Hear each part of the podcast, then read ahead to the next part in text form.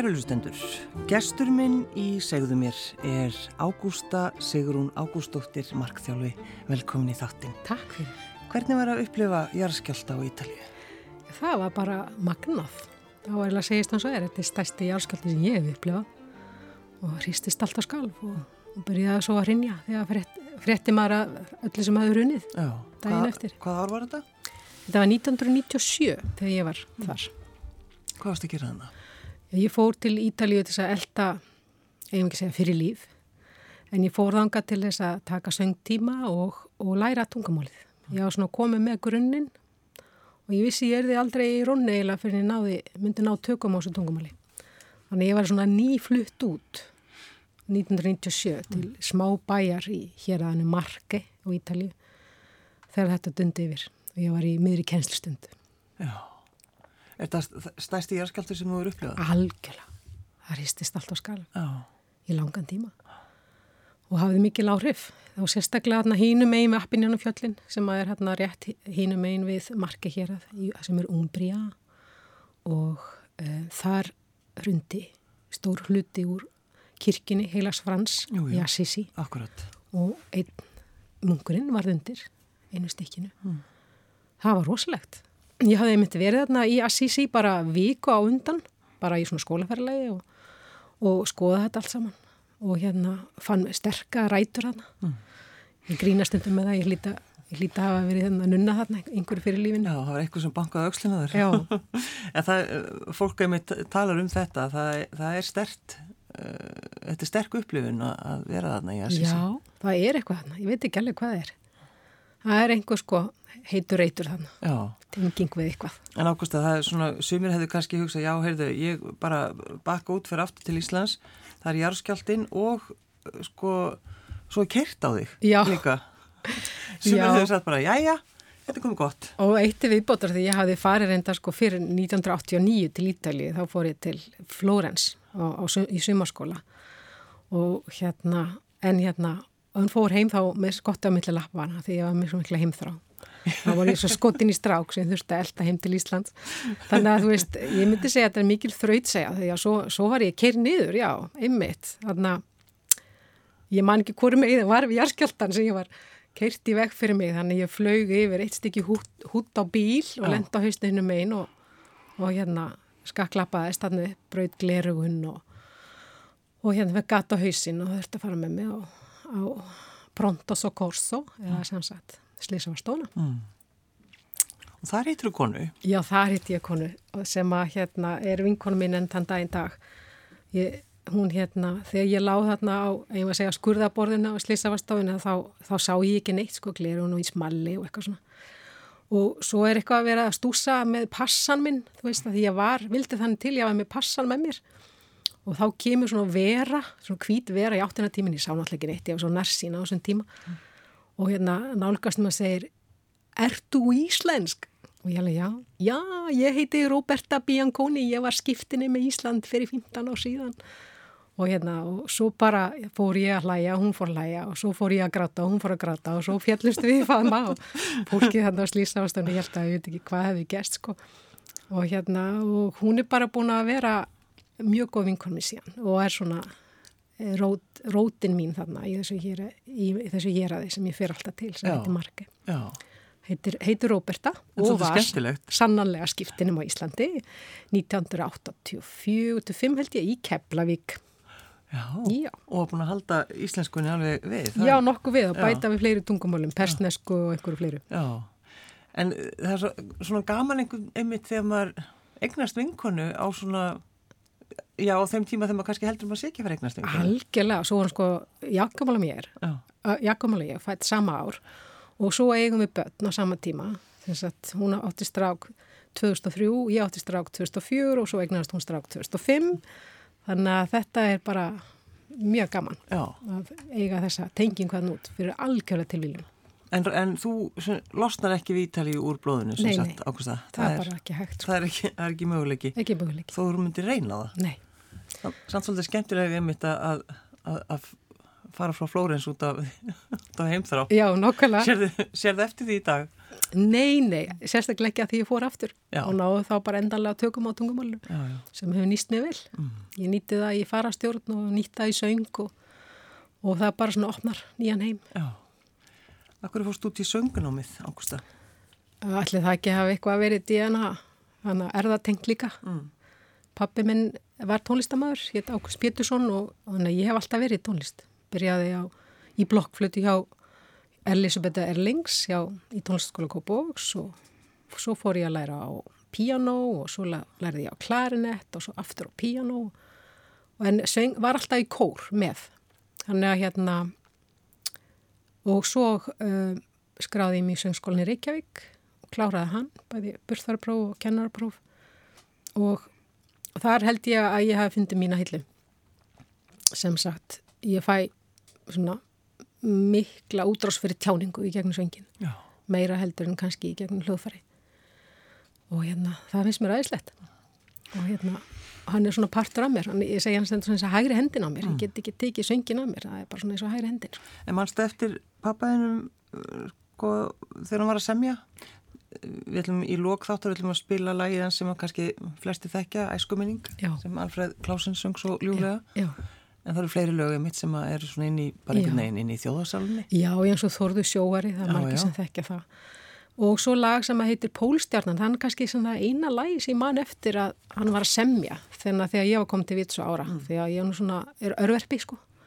Að hann var hann 44 ára þegar ég fæðist. Og hérna en þá var verið að gefa út hérna disk við, með lögum við texta Kristjáns frá Djúbaleg og þeir voru mjög góði vinnir pappi og Kristján.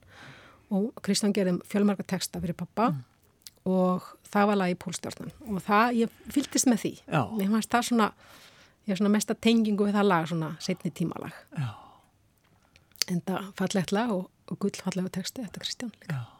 En þetta er náttúrulega svona þessi lög sem við erum enn að syngja, já, svo þorðu sjóari. algjörlega sjómennskan er ekkit grín sko. Já, það er stábyggilegt. En eh, það verður nú kannski svolítið gaman ágúst að við bara fá að heyra uh, hvernig þú syngur áður en við höldum áfram. já, Og það er lag, lag sem heitir Stjörnubjart. já Þetta, þetta er diskur sem gaf, þú gafst út fyrir hvað, einhverjum fimm árum eða? Já, þetta er diskur sem ég gátt fyrir fimm árum síðan með alls konar lögum og það er þarna eitt lag eftir pappa sem að fekk lægi Stjórnubjart. Og Þetta er við texta eftir Hörð Sigurðarsson og lægi er eftir pappa en þetta er lag sem að koma út eftir að hann dó því að ég fann þetta lag á kassettu ef, að hlustundur vita hvað það er. Já, einhverjir eru Eh, einhverjir kannski, að þá hafði hann eitthvað að vera að vinna með þetta lag stutt á hann dó. Hann að dó, hann var bara 65 ára þegar hann fjall frá. Og hann, Hva, hvað kom fyrir? hann var hjartvíkur fekk hjartáfall, kransastíplu og ég tók þetta lag upp og, og let skrifa það upp útsetja það og gera texta við það og sendi það í keppni. Hérna, bara um aldamótin heldur verið 2000 sem ég sendaði í keppni til Söðakróks, já, kvennfélagi Söðakróks Hinn, rómaða hinn rómaði keppni, keppni, akkurat. því að svona var það sem að hann kom sínulegum á framfæri á sínum tíma í gegnum hérna skemmtiklub Templara og, og félag íslenska dægulega höfenda ásleis. Þannig að, og já, það komst á pall, þetta, þetta lag, eða komst á, og, og hérna, komst í úslitt, Mm. öll heldur, og hérna, svo bara ákvaði ég að taka og syngja aftur með annar útsetningu og gaf því bara nýtt heiti. Já, skulum leggja við hlustir.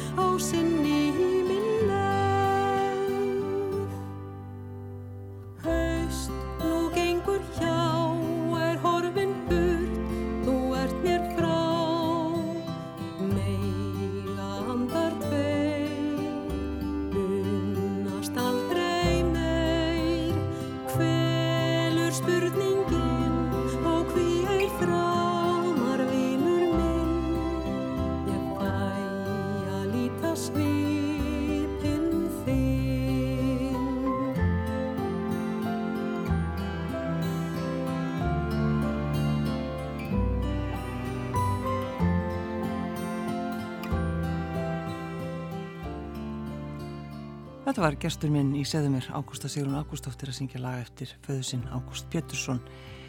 Sko, tittlarnið þínir, Ágústa, Já. þú getur í rauninni bara vaknað á mótnana og valið er eitthvað. Ég ætla, ég ætla að lesa þetta upp. Það er, er bannöðust ráðgjafi, markþjálfi, sönguna, sáttamíðlari, farastjóri, leðsugumæður og móður. Já.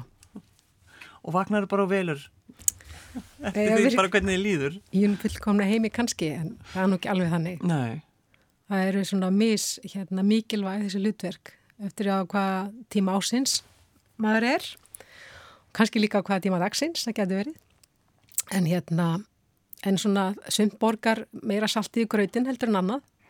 Og hérna, og ég er semst, en ég get ekki sett neitt af þessu. Það er ekki nokkuð leið heldur. Frekar heldur en að segja skilið við Ítalíu, sko. En sko, að því ég, ég valdi þennan markþjálfin eða þú, Ágústa, sem ti- við erum alltaf með titlana Já. um að vita, um að vita þá, sko. En um, er það eins og sáttamiðlarinn? Já. Það er svo ótrúlega áhugavert. Tölum aðeins um það. já. Hvað gerir sáttamiðlari? Já, sáttamiðlari, hann leitar sátta eða er aðilinn sem hjálpar öðrum að leita sátta. Þannig að þetta er mjög gott hérna, e, þetta er mjög góð þýðing á þessu önsku orði sem er mediation, myndi ég segja.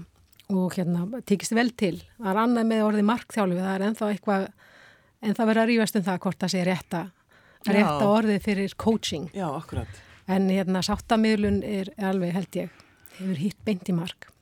En sem sagt þegar ég hef búin að vera að vinna við markþjálun og þá og mannustrákju við einhver tíma þá uh, fekk ég nokkuð verkefnin á borti mín sem að, sem að, sem að þurfti aðra hæfni heldur en mannustrákju við. Mm.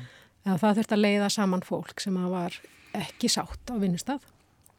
Og hérna þetta var áskorum fyrir mig og ég áttaði á því að ég leitaði í vopnabúri mitt og allt það sem ég náði í var tengdist markþjálun.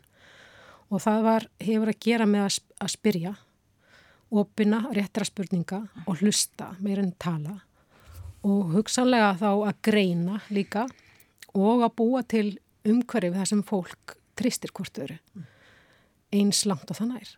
Og hérna þetta er að nákvæmlega sama maður gera í markþjálun líka. Þar er sagt lausnin á ágreiningnum í sáttamölun og lausnin á því sem fólk er að fást við í markþjálun. Eh, Hún er alltaf eigandi þess sem kemur. Ekki sáttamælarans heldur eða markþjálfans.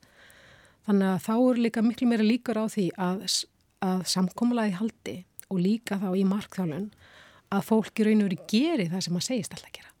Þegar það tengir þegar lausnin og hugmyndin kannski kemur frá þeim sjálfum. Mm. Og þannig að þetta myndi ég segja sáttamilun og markþjálun nættu sameinlegt. Um, á meðan að marktjálun er reyndar aldrei sá sem að leggur til eða kemur með e, þú veist hérna tillugur ekki nema algjörlega opið og þá leifir viðkomandi að, að, að grýpa það ef það hendar þá er kannski sáttamælurinn meira að hann er svona meira hann er sko bæði huggari stundum. Hann er líka sá sem að heldur utan ferlið, þú veist, hann þarf að vera með pappisvinnu, hann þarf að sjá að ganga, ganga frá og komast að nýðustuð þannig að það er svona kannski meiri meiri hérna svona pappisvinna og skrifstofinna og admin, sko að segja í tengslum það að vera sáttamælari en, en þegar maður er góður sáttamælari er maður þá þannig sko að hvað ég segja, svona með fjölskylduna, sína eigin fjölskyldu? Og, og vini? Er, er þetta þá bara Já. er þetta mjög þægilegt, gott að hafa þetta. Sko ég, ég tel mig trúm það. Ég tel mig trúm það því að hérna, sko markþjálun náttúrulega þegar maður er farin að nota markþjálun og vinna við það, þá, þá, þá verður maður náttúrulega að spekla sjálfa sig. Mm -hmm. og það er það sem gerist. Þannig að ég trúi því að hún sé mannbætandi líka fyrir, fyrir markþjálun það er líka erfitt að vera að sína heilindi sem er að gera ef maður er að tala þert um hugsin. Gera svo eitthvað allt annað þegar mark þein er farin út. Já, það er svolítið. En í sáttamölun er þetta líka þannig en ég segi stundum sko maður er farin að nota þessa spurningatækni og það að kveikja á hlustunatækinu fyrir ekkar heldur en á málpípunni miklu, miklu meira eftir að maður læri markþjólun og í sáttamölun þarf maður líka að gera það allir sé ekki mann þeir sem standa manni næst, þeir nánustu, það er svona, svona síðasta víð. maður fer stundum bara í, í uppeldislutverkið með Já. vísi vinkurlofti og, og þú átt og þú skalt. Jú, jú. En, hérna, en þegar maður gleymir því, þá geta, gerst, geta góðu luti gerst líka. Þannig að í sáttamíluninni þá er það svolítið þetta sko að vera með réttu spurningarna. Já, og greina vandan og svo finna þá málamilun sem að er einmitt sáttamilun er málamilun. Langaði í stundum bara að segja, heyrðu, nú skulle ég bara hætta þessu. Já, eflust þarf einhver tíman að gera það. Já, en það, það er kannski ekki faglegt að segja það. Nei, en, en kannski í einhverjum tilvíkum gætu þurft að gera það. Já. Ef að það er ferlinin til framgangs. Og það er alveg, getur alveg gæst að fólk skelli hurðum að fari, en svo bara hittist fólk aftur viku setna að haldi áfram. Mm. En sáttamilun er nótuð á mjög breyðum grunni Þetta er nú svona pínu grunninn, auðvitað er þetta uppbreyni frá Gríklandi eins og allt en hérna bandarækjumennum kannski lengst komnir í þessu og þetta er mjög algengt í dómskerfinu hjá þeim, sérstaklega hjá, hjá hérna, þeir sem eru undir aldri sem að er að fá kannski sinn fyrsta dóm mm. að leita sátta. Já. Við þekkjum það bara úr öllum þessum hérna, lögu þáttar drama En hérna á Íslandi er, er fara að nota þetta meira og meira en líka á fleiri vikstöðum, til dæmis eins og vinnustöðum sem kannski það sá geiri sem ég fæst mest við sem mannustur á gefi. En líka í skon fjölskyldumálum, umgengnismálum og líka svona egnaskiptamálum.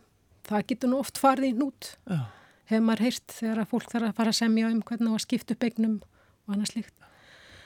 Þannig að ég held að þetta er eftir að koma meira og meira Já. inn. Er það þannig ágúst að, að þegar þú færð viðkomandi inn í þennan, þennan sáttafund, teiknaru upp hlutin, ertu með, veist, ertu, ertu með töflu eða hvernig, hvernig gerur þetta? Ég hef ekki gert að hinga til. Uh, Undibúningurinn skiptir náttúrulega alltaf máli og þannig að fyrst byrjum maður að fara bara yfir samningin um það hvernig samskiptin eiga að vera. Þannig að fólk þarf að, að svona janga því að hvernig samskiptum verða. Og ég býðum leiði þá til þess að fá að réttu pönd ef að, ef að samskiptin eru að fara niður um ræsið. Oh. og, hérna, og það skiptir líka rosalega að vera að læsa á þú veist hvenar er rétti tímin að trubla það sem er í gangi. Hvenar er réttin tími að kalla á pásu og setja fólk að við sitt hvort herbergið til þess að hugsa málið og koma svo aftur inn ferskur. Þannig að það er, það er, það er ég myndi ekki endilega segja teiknað upp, nei, nei, nei. en ég þarf að halda samt punkta meðan á ferlinni stendur. En kynlistu vel fólki, svona manneskinni í, í þessari vinnu? Já.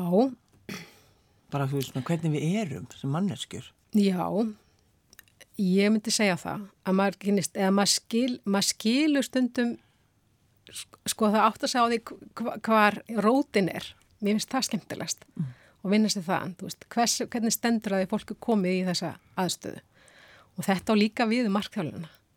Ég segi stundum að hvað maður hérna hvaða mikið sko gjöf sem fylgir því að vera markþjálfi því að stundum fær maður til sín fólk sem að, sem að maður læri meira af heldur en að maður hjálpar.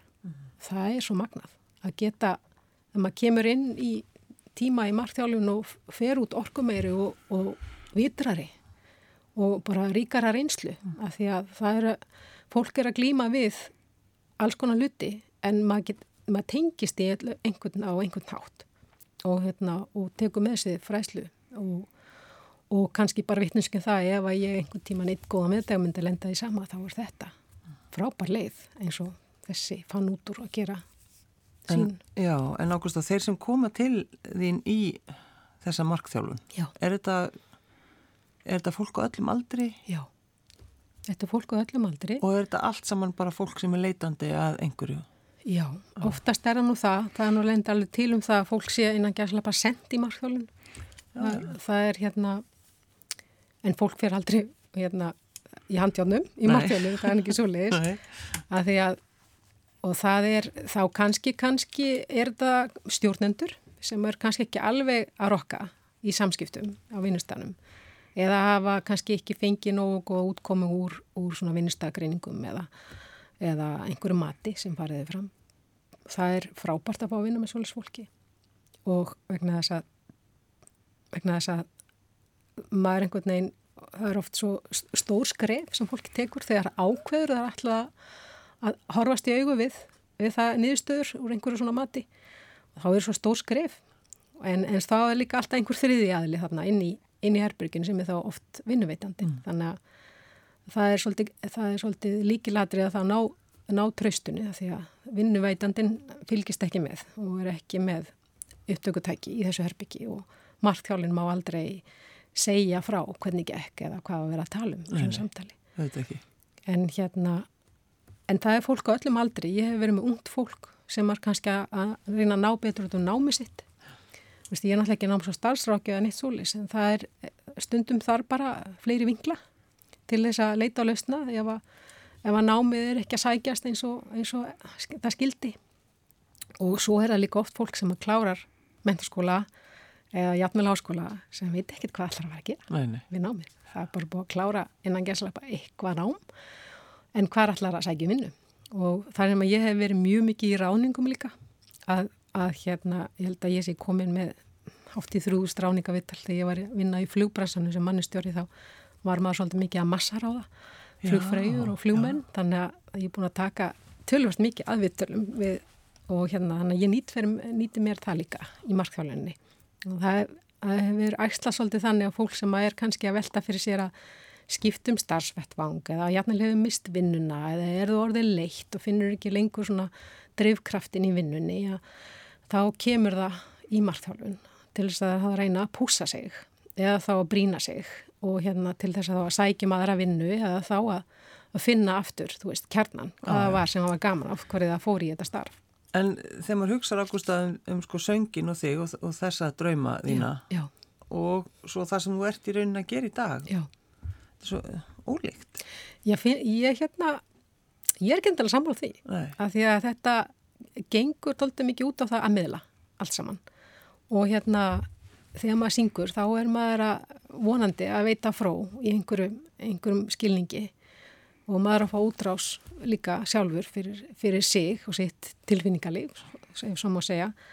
Þannig að ég er að miðla í öllum þessum hlutverkum, hvort sem það er í farastjórn eða söng, sáttamiðlun eða mannustrákjöf. Já, Þannig að ég er einhvern veginn að miðla og það er mjög mikið eftir hvað greinum það er, þú veist hversu mikið ég er eigandin að lausninni, það er, mis, það er ólíkt eftir hvað ég er að gera. En mér finnst ég bara að vera miðl, er ég ekki bara miðl?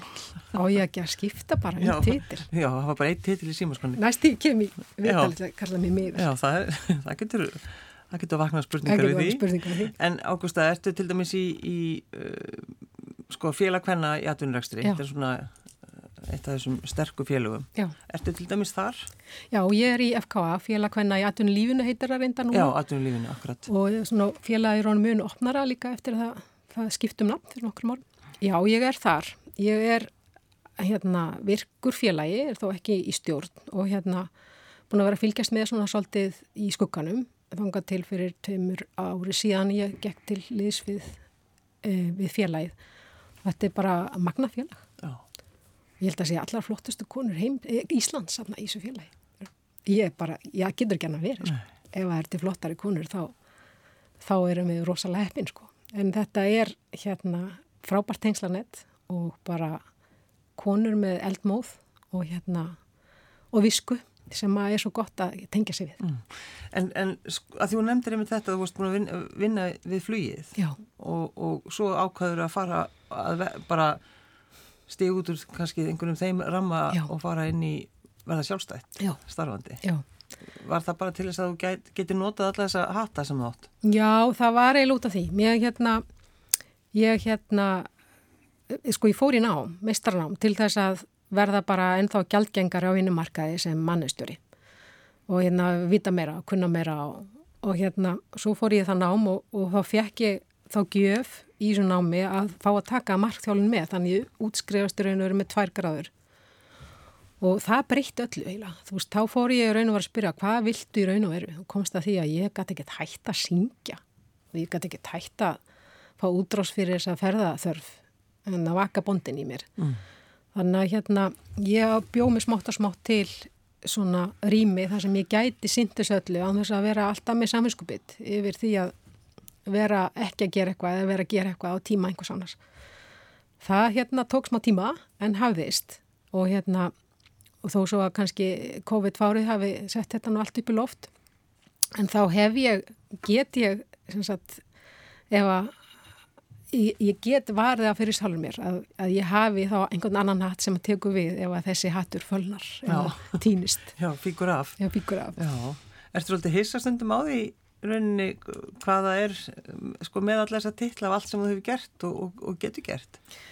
Þannig að hvernig þetta hefur þróast? Já, já, eiginlega, málega segja það. Eins og segja, ég byrjaði söng svona einhvern veginn og, og klára þetta söngjarnar að prófa aðeins að hafa endalega vætla. Mm. Þú veist, það var, þú veist, hefði kannski markþjólum komið inn í líf mitt þá, það hefði kannski þróast einhvern veginn öðru ég veit það ekki. Um, en ég er með þetta alls saman og þetta spilar saman þótt að sé kannski erfitt fyrir marga að tengja það. Mm. Og hérna, og ég, ég get ekki verið heil nema ég væri að sinna þessu öllu. Ég, hérna, ég segi stundum að maður getur ekki tekið að sér hægri handleikin ef að það er söngurinn.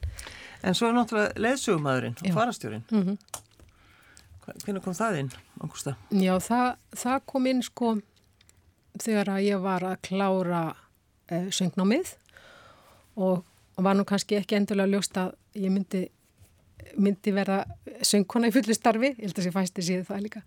Þannig að þá ákvæði að taka þetta með og þá var ég búin að vera að læra ítölsku og fannst bara mjög snuðt að taka leysugskólan hérna, með, á, með hérna með hérna ítölsku.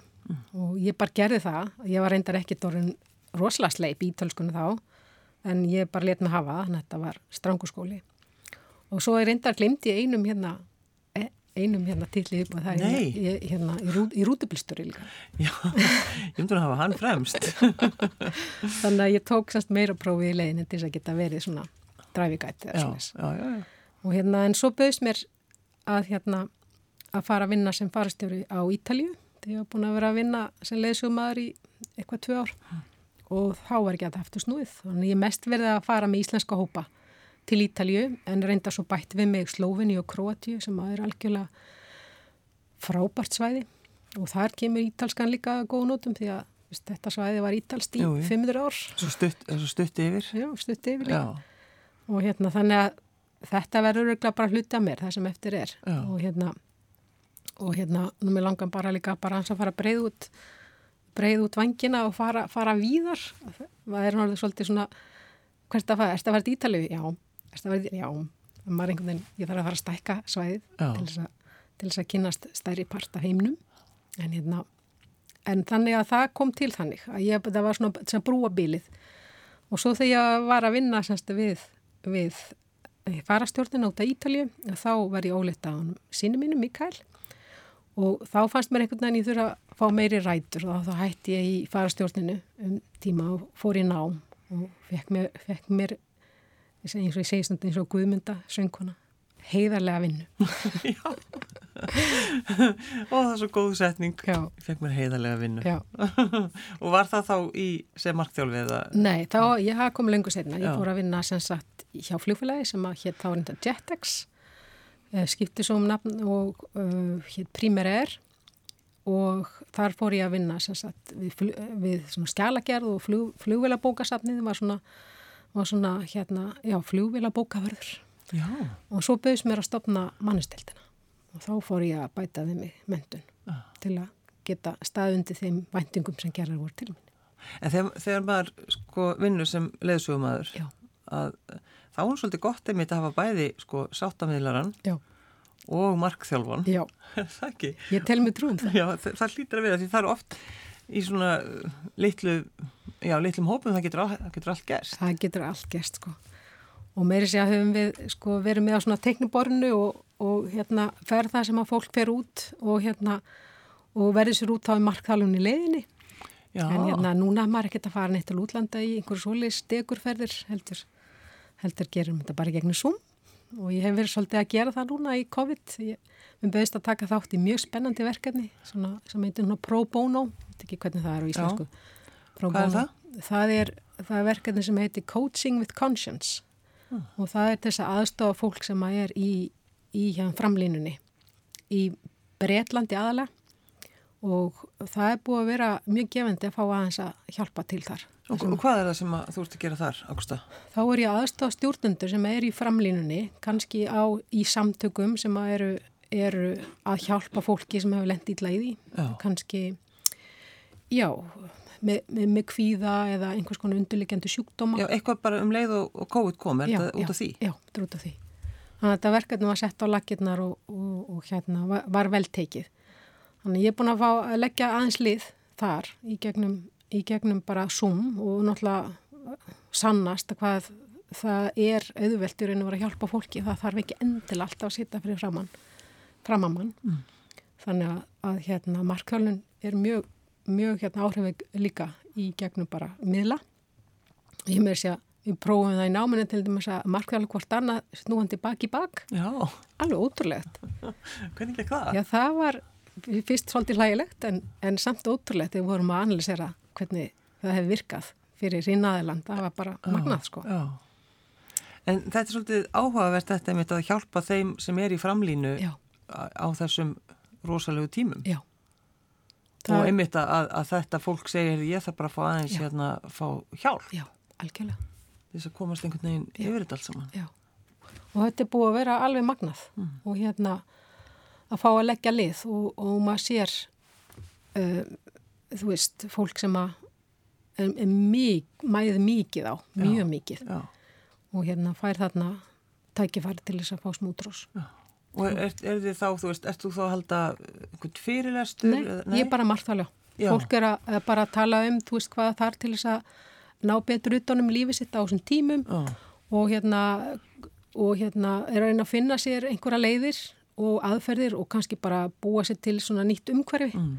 Þegar það er kannski mikið að vinna heima með allt annað áreiti Já, já. sem því fylgir. Þetta er svolítið líka bara við einhvern veginn öll. Já. Höfum bara kannski gott að Já. einmitt að sittjast aðeins niður og hugsa þetta. Hvernig ætlum að hafa þetta? Hvernig, hvernig við viljum hafa þetta. Þetta er líka spurning um að spyrja sig, veist, núna þegar maður fór inn í þetta, veist, hvað er það sem ég sakna ekki? Hvað á ég að skilja eftir? Það er, það er gefur manni rosalega mikið tækifæri til þess að endur hana og segja bara, ok, ég ætla bara ekki að fara í þetta. aftur. Já. Nei, ég er bara ekkert að fá út úr því. Veist, og þá er bara, bara fýtt tími núna til þess að taka aðeins til. Ég held að það sé nú svolítið, ég held að fólk sé svolítið að gera það. Já, einmitt. Og, hérna, og finna það hvað það er. Ég segi stundum sko Þá er ég ekki að tala um sko að taka þér í geimslinu sinni. Nei, nei ekki það. Það er svolítið aðra geimslur. Já. Og það er alveg rosalega mikið að skemmtilegu dóti í þessi innri, geimslu. Já, já, já. Ég komst nú að því þegar ég ákvaða hérna að halda upp á fymtusammalvit. Að það var hérna draumur um að gefa út geisladisk og halda tónleika. Mm. Og það allt í einu bara, já, einmitt. Og þú gerir það? Ég gerði það. Já.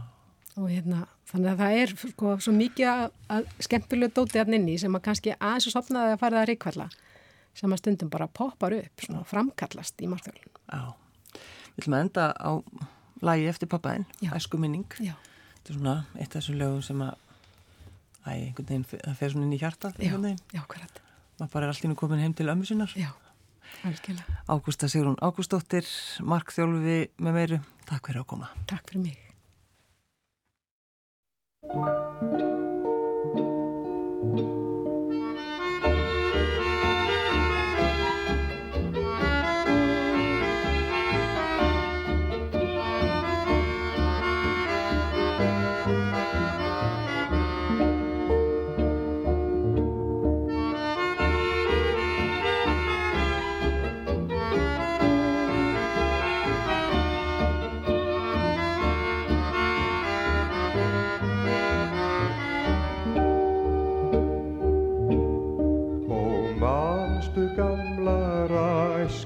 Ástar stundir Svo indislegt var þá að vera tíð